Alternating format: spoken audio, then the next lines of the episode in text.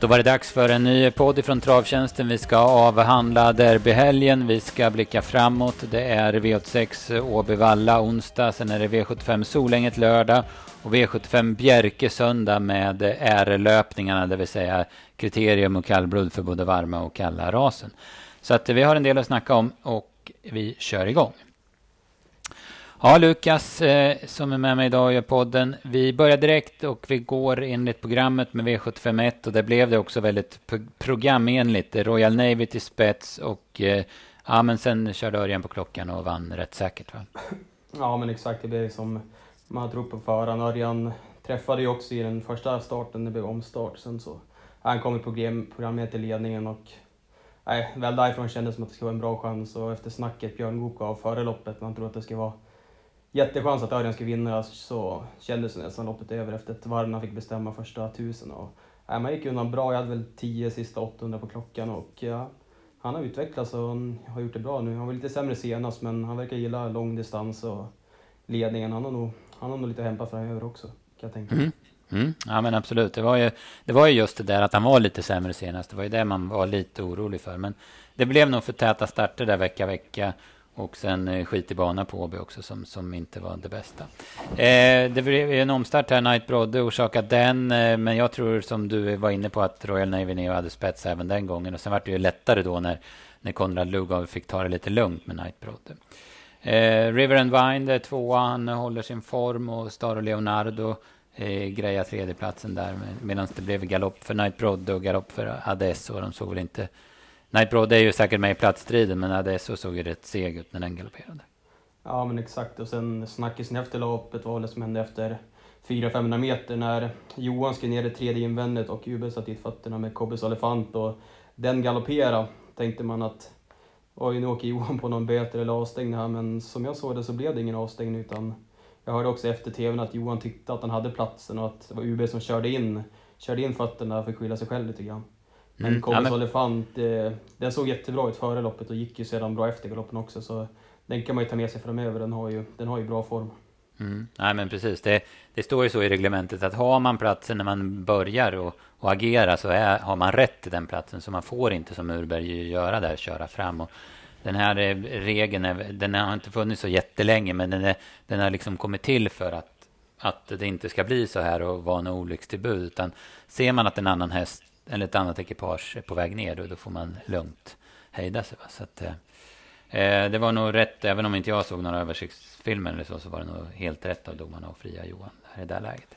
Ja, men exakt. Jag kan också nämna två Sphinx som värld som eh, den värmde otroligt bra före loppet och vår värmningsman tyckte att, den, att det var det klart bästa han sett av den på länge. Så den har verkligen, nej, men det är väl kanske lite mer av en V64 lunchhäst för oss kanske. Den har ju svårt att få till det på V7.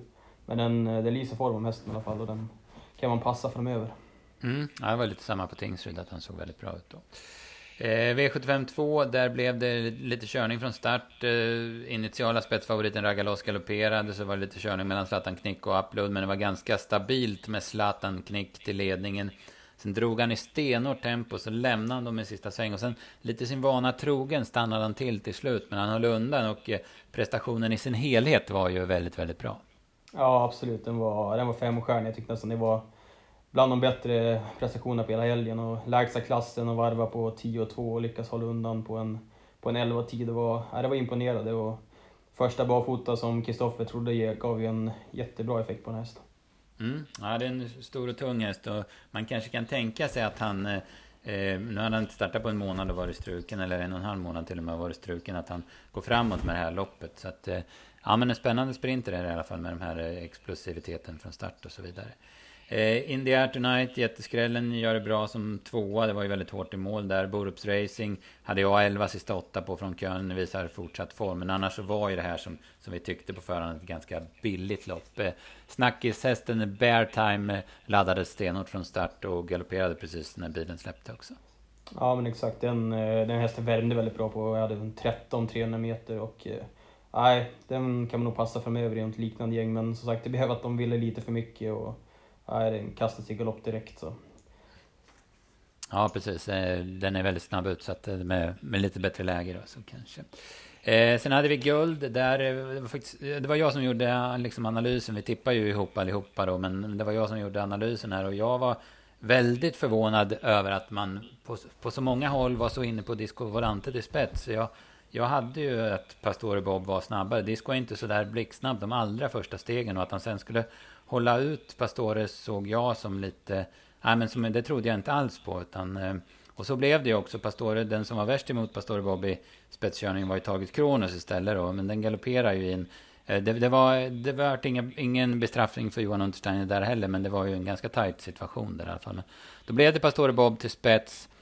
Med Disco Volante gick ut i dödens och eh, favoriten Policy of Truth satt i andra par ut. Och, eh, efter attack ungefär 550 kvar så, så avgjorde han plättlätt. Lika enkelt som på, uppe i Hudik senast.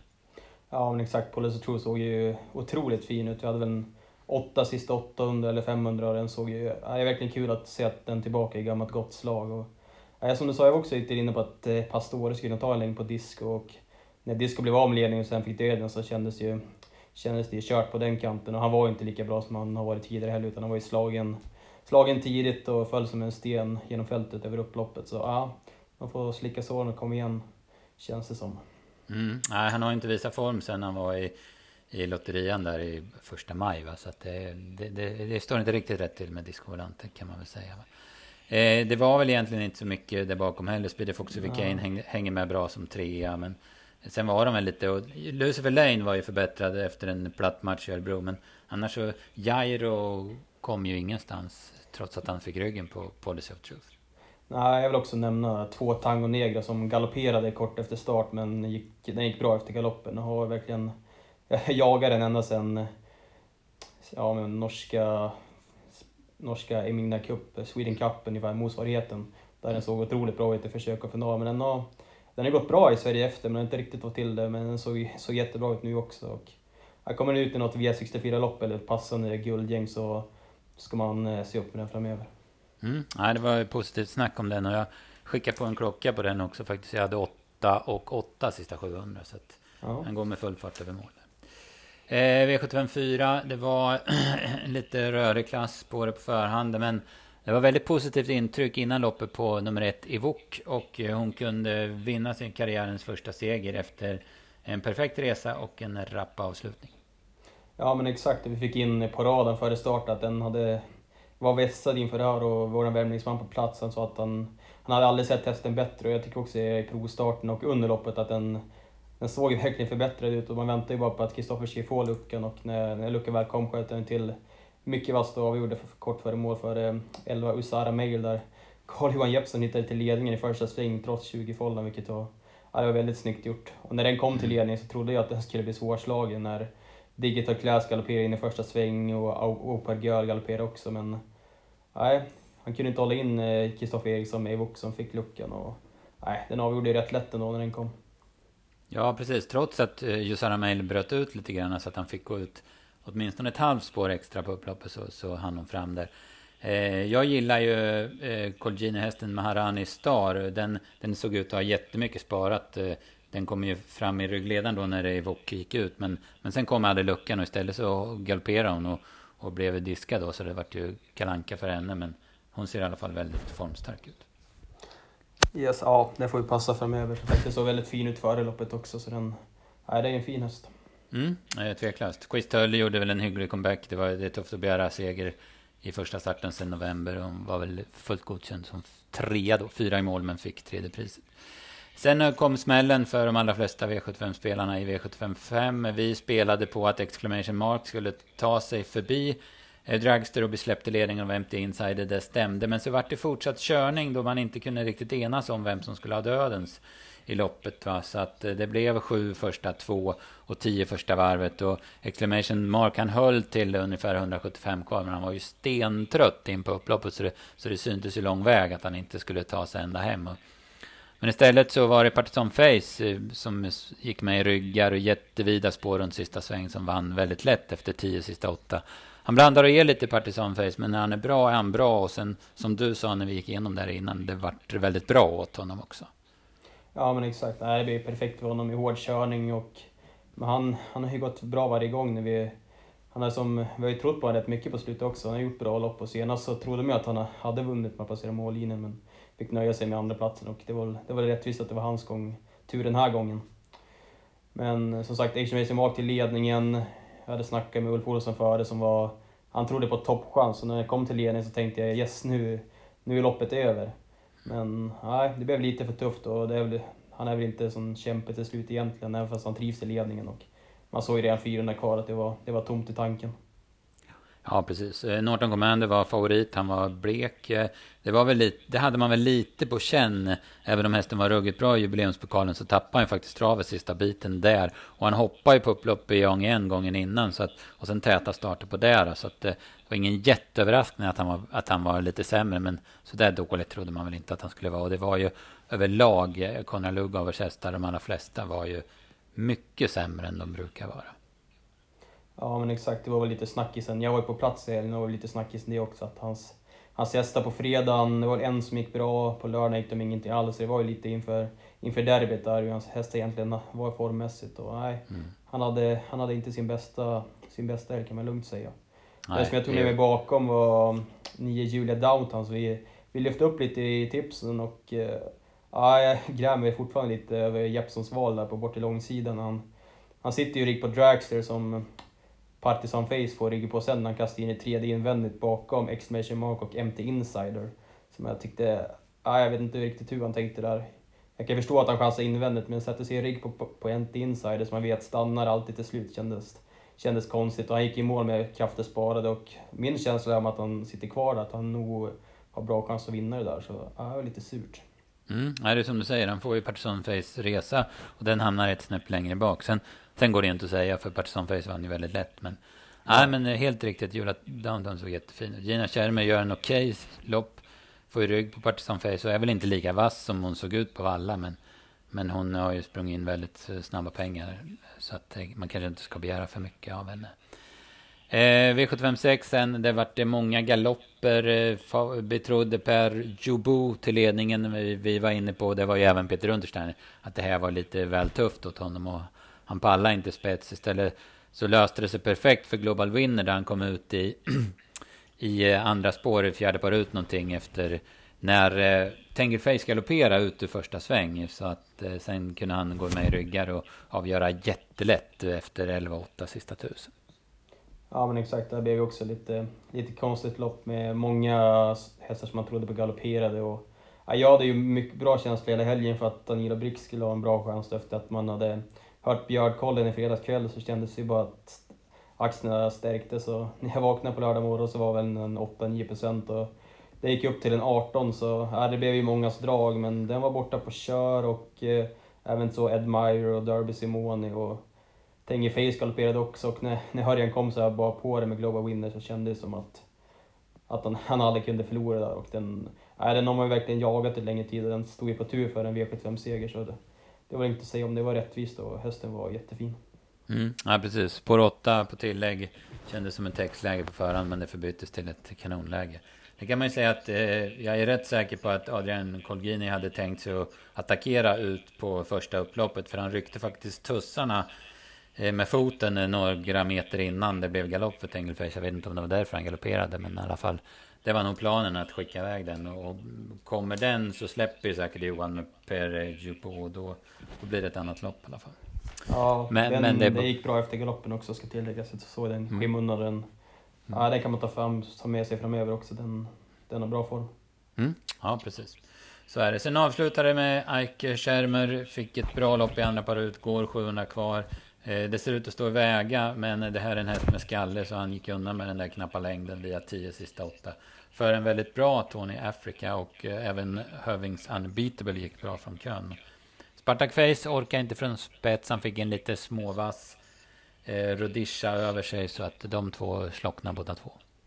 Ja men exakt, man hade ju lite känsla att det skulle kunna bli jag var inne på att Sparta Face och Rudisha skulle kunna utmana för stora favoriter, men man hade ju hoppet uppe där, 800-700 kvar, men sen såg man redan i sista sväng att båda de var kalla och eh, Ike Schermer, den avgjorde ju enkelt och är en fin häst, den såg inte speciellt speciell ut i värmningen, och, men den tar verkligen till sig när det blir lopp och visar en otrolig löpskalle. Så, ja, en jättefin häst och som sagt Tony Afrika gick ju bra bakom. Jag tyckte den värmde som bäst men den, är också, vi säger bra skalle eh, och sen bakom det så var det inte jättemycket jag tog med mig i alla fall. Nej, precis. Det var ju de, de, de bra hästarna på, så att säga, på, på var ju lite sämre då. Jag tycker ändå Rodisha, jag trodde ganska mycket på den. Jag tyckte han såg så fin ut i derbykvalet. Jag tyckte han såg fin ut nu med. Travet stämmer och får han bara lite bättre lopp. Han har ju fått några törnar den här hästen så skallen är kanske inte den bästa. Men, men med lite snälla lopp och sådär så, så tror jag att han kommer Eh, i alla fall vinna några lopp framöver. Eh, det var V75 det. Eh, jag ska säga en häst som jag tänker passa framöver som jag glömde nämna. Det var V75 6, den här Stefan P. Petterssons Sin Sun Cash. Han är lite seg så att han är väl inte kvick nog för V75 men han såg jäkligt bra ut över mål och jag tror att han går framåt med det här loppet i kroppen. Så att den tycker jag man ska passa framöver. Yes. Och jag, jag passar Tango Negro och Julia Downtown framöver som jag tycker kan vara intressanta det... framöver. Så yep. har vi koll på dem framöver i alla fall. Mm, mm, ja men precis. Sen var det ju söndagen, då var det derbyt som var... Eh, ja men det är ju alltså, jag tycker ju att derbyt är loppet med stort L i, i svensk travsport. Och det är ju alltid, de, nu för tiden, så när de är fyra år, då är de ju etablerade. Alltså de, de skulle ju duga i guld och i högsta eliten, många av de här hästarna.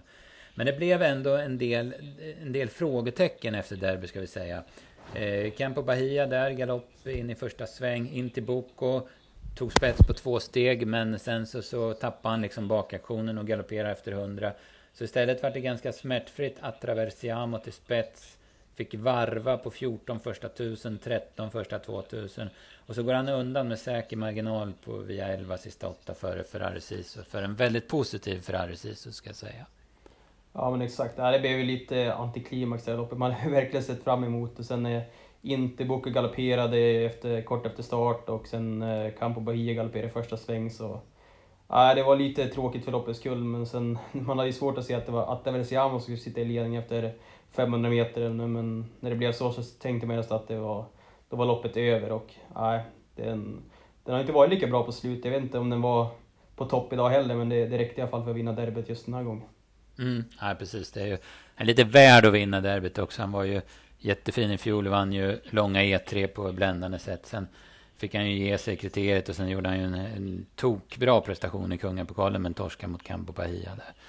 Eh, man, man lider ju verkligen med Conrad Lugauer som har en så jäkla fin häst i Campo Bahia och sen får han inte till det just den här dagen. Va? Så att, eh, eh det är ju surt va? men han, han kommer ju säkert Eh, Eh, ja, men komma tillbaka och bli en eh, topphäst Campo Bahia, det tvivlar jag inte på. Men det är ändå väldigt surt att han inte är som bäst just den här dagen. Ja men exakt och sen... Nej men så Ferrari Cise var ju verkligen hästen i loppet som, gjorde, som jag tyckte gjorde det klart bästa loppet. Och det nej, man har ju, den har ju verkligen utvecklats på slutet. Det var jättebra i försöket och jättebra nu också. Och är det så att han inte släpper ner pappa, pappa Lugauer 1100 kvar så tror jag mycket väl att de ska kunna ha vunnit det här loppet. Mm. Ja, det blir ju i alla fall, han, han har ju chansen att utmana på ett annat sätt då, i alla fall. Så.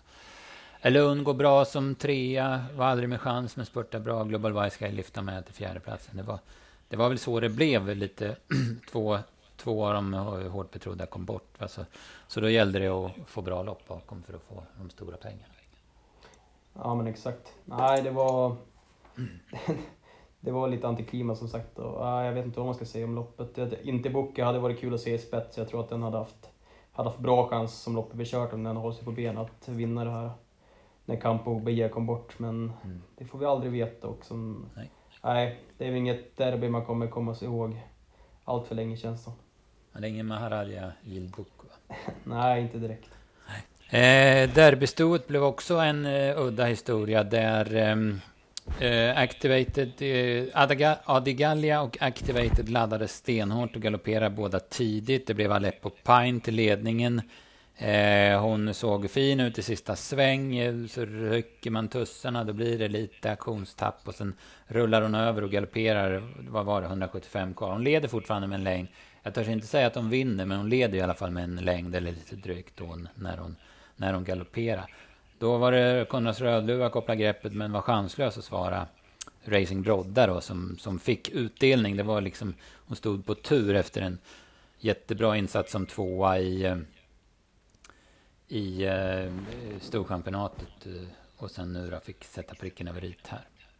Ja men exakt, det var, jag har också jag kollade upp omloppet flera gånger och man tänkte vinna Leppo Pine utan galopp eller inte men jag är som lite som det, jag, jag har svårt att reda ut om han hade riktig seger eller inte men ja, det var i alla fall en framskjuten placering som rök och det var ju otur för hets, eller kretsen kring hästen och Kenneth Hauser såklart men ja, det blev nio Racing Brodda som eh, vi hade tippat detta också som vi har, man har väntat lite på ska få utdelning. Hon har ju verkligen gjort det bra i de här stora loppen utan att riktigt fått sätta pricken över i och äh, hon spurtade ju klart vassast över upploppet. Det var kul att Rickard Skoglund äntligen fick vinna ett större lopp. Jag tycker att han han är verkligen en friskis för svensk travsport. Jag tycker han, det är en bra kille som man unnar alla framgång. Mm. Ja, samma gäller ju tränaren Mattias Djuse som har eh, ruskigt många tidiga och välutbildade unghästar och nu fick han vinna ett riktigt stort lopp också. Ehm, ja, det var det. Det var derbyt. Och den här V75-omgången blev ju ruskigt svår också. 750 000. Så brukar det inte vara på, på derbyomgångarna precis. Men nu gjorde ju många av de stora favoriterna bort sig. Men en stor favorit som vann. Och det var V751 eh, Heart of Steel som vann trots galopp. Och det ville du snacka lite om i alla fall. Ja, men exakt. Nej, Johan sa det efter att hästen, hästen blev lite för laddad start och tog i för mycket galopperade. Och det var många, många V75-spelare som satt eh, eh, vad säger man? Ja, vad som helst. Kaffet eller vad man drack ja, klockan tre på söndag eftermiddag. Ja, det var lite så. Vi hade ju dubblat med Melby Drake och eh, när det blev han till ledning och Carlos Stig galopperade så då kändes det ju bra. Men eh, jag tycker Berg körde lite konstigt där när han varvade på 16 och bjöd in eh, Johan Untersteiner som kunde glida fram smärtfritt i döden. Så nej, den var gjord, avgjorde vi efter 10 sista tusen när vi hade på klockan. Och, nej, Hard har verkligen utvecklats och den var Ja, det var bästa hästen som fanns. Det var ingen att, inget att säga om det. Nej, precis. Så var det. Eh, då får vi lägga det åt handlingarna och så får vi blicka framåt. Och vi har som sagt var V86, ons eller, V86 på onsdag med Åby och Valla. Eh, ja, vi har gått igenom loppen en hel del och eh, en häst som, det kanske är helt fel läge för henne, men de tidiga spelarna är inte inne på den i alla fall. Och det är V867 nummer 12 Bring Me Happy. Den satt ju bom fast i uttagningen till derbystoet senast. Och gången innan så var den ju allas drag på Halmstad. Och frågan är om den inte vinner det där V75-loppet på torsdagen där. Om den inte hoppar 700 kvar. Den satt ju tryggt i spets då. Ehm, det är ganska, den har spår 12 bakom bilen i en spårtrappa. Det är ju jobbigt. Men det är ganska ja, men jag ska inte säga dåliga hästar, men det är inga superhästar där framme. Va? Så jag, jag, tror att hon, med lite klaff så varför inte? Det är väl ja. en rysare i alla fall. Jag har också ett drag till på onsdag. Det hittar vi i V86.8. Där jag tror mycket på Unneto Algar. Som nu har gjort eh, två starter i skitteamen Urmos och den... Eh, det var ju mer norska Sweden Cup eh, för tre starter sedan sin gamla regi och vann ju då försöket och var hårt spelad i finalen. Men eh, var blek då. Har ju som sagt gjort två starter i skitteamen Nurmos och senast eh, ryckte man skorna på Bergsåker och hästen såg... Ja, hon såg jättefin ut bakom, eh, bra hästar som fastlås och ja, den tycker jag är rolig så här på förhand till... Det kommer säkert bli mer spelad just nu men jag tycker att den möter ett överkomligt motstånd och ja, passa upp för den i avslutningen. Mm, ja, en bra dubbel från bra utgångslägen. Bricka 12 i spårtrappa och spår 9 1600 meter. Ja, bra odds. Börjar få odds därefter, ja precis. Eh, V75 i Övik på Solänget på lördag. Jag har faktiskt inte kommit långt alls med de listorna. Så att eh, det ser ut som mycket Nurmos och han anlitar Mika Fors som driver på sina hästar. Stor, till stor del i alla fall har jag sett. Så att det kanske blir eh, finsk touch på, på den här omgången. Vi får väl se. Yes. Eh, V7... Ja. ja, kan vi nämna gulddivisionen också där med Drimo K som vi trodde på hårt på, på Bergsåker förra fredagen och den, den fick ju bara dåliga rygg hela vägen men spurtade jättebra bakom Elian Webb och har ju nu gjort två starter i regi Björn Goop och den ser ut att bli favorit med den på pappret så var det ju rätt klen gulddivision den borde väl, borde väl ha en bra chans här kan man tycka. Ja, den var ju grym. Visserligen mötte den ju ett brödgäng, men den såg ju grym ut på Valla då när den vann första loppet för Björn. Så att, så det köper jag med hull och hår så att säga. Eh, vi släpper tipsen till onsdag som vanligt, onsdag klockan 15. Vi släpper tipsen till lördag som vanligt, fredag klockan 15. Och sen är det ju som jag sa inledningsvis V75 på Bjerke på söndag också. Eh, ha, där har ju kvalen till de flesta V75-loppen gått redan, så det, så det kan man ju kolla upp. Men startlistorna tror jag inte har kommit än, de kommer nog under eftermiddagen. Så att, det får vi jobba med senare i veckan och de tipsen släpper vi sen på lördag kväll runt 19-tiden när Solängetomgången är klar. Så ni har tips att köpa typ hela tiden. Det är bara att rulla på och det är som vanligt spännande omgångar och spännande lopp som ska köras. Yes. Så det är bara att kämpa vidare Lukas så får vi tacka alla som har lyssnat och hoppas att ni hör oss igen nästa vecka när vi kommer med en ny podd. Yes, det låter bra. Ha det bra PA. Vi hörs. Samma, tack.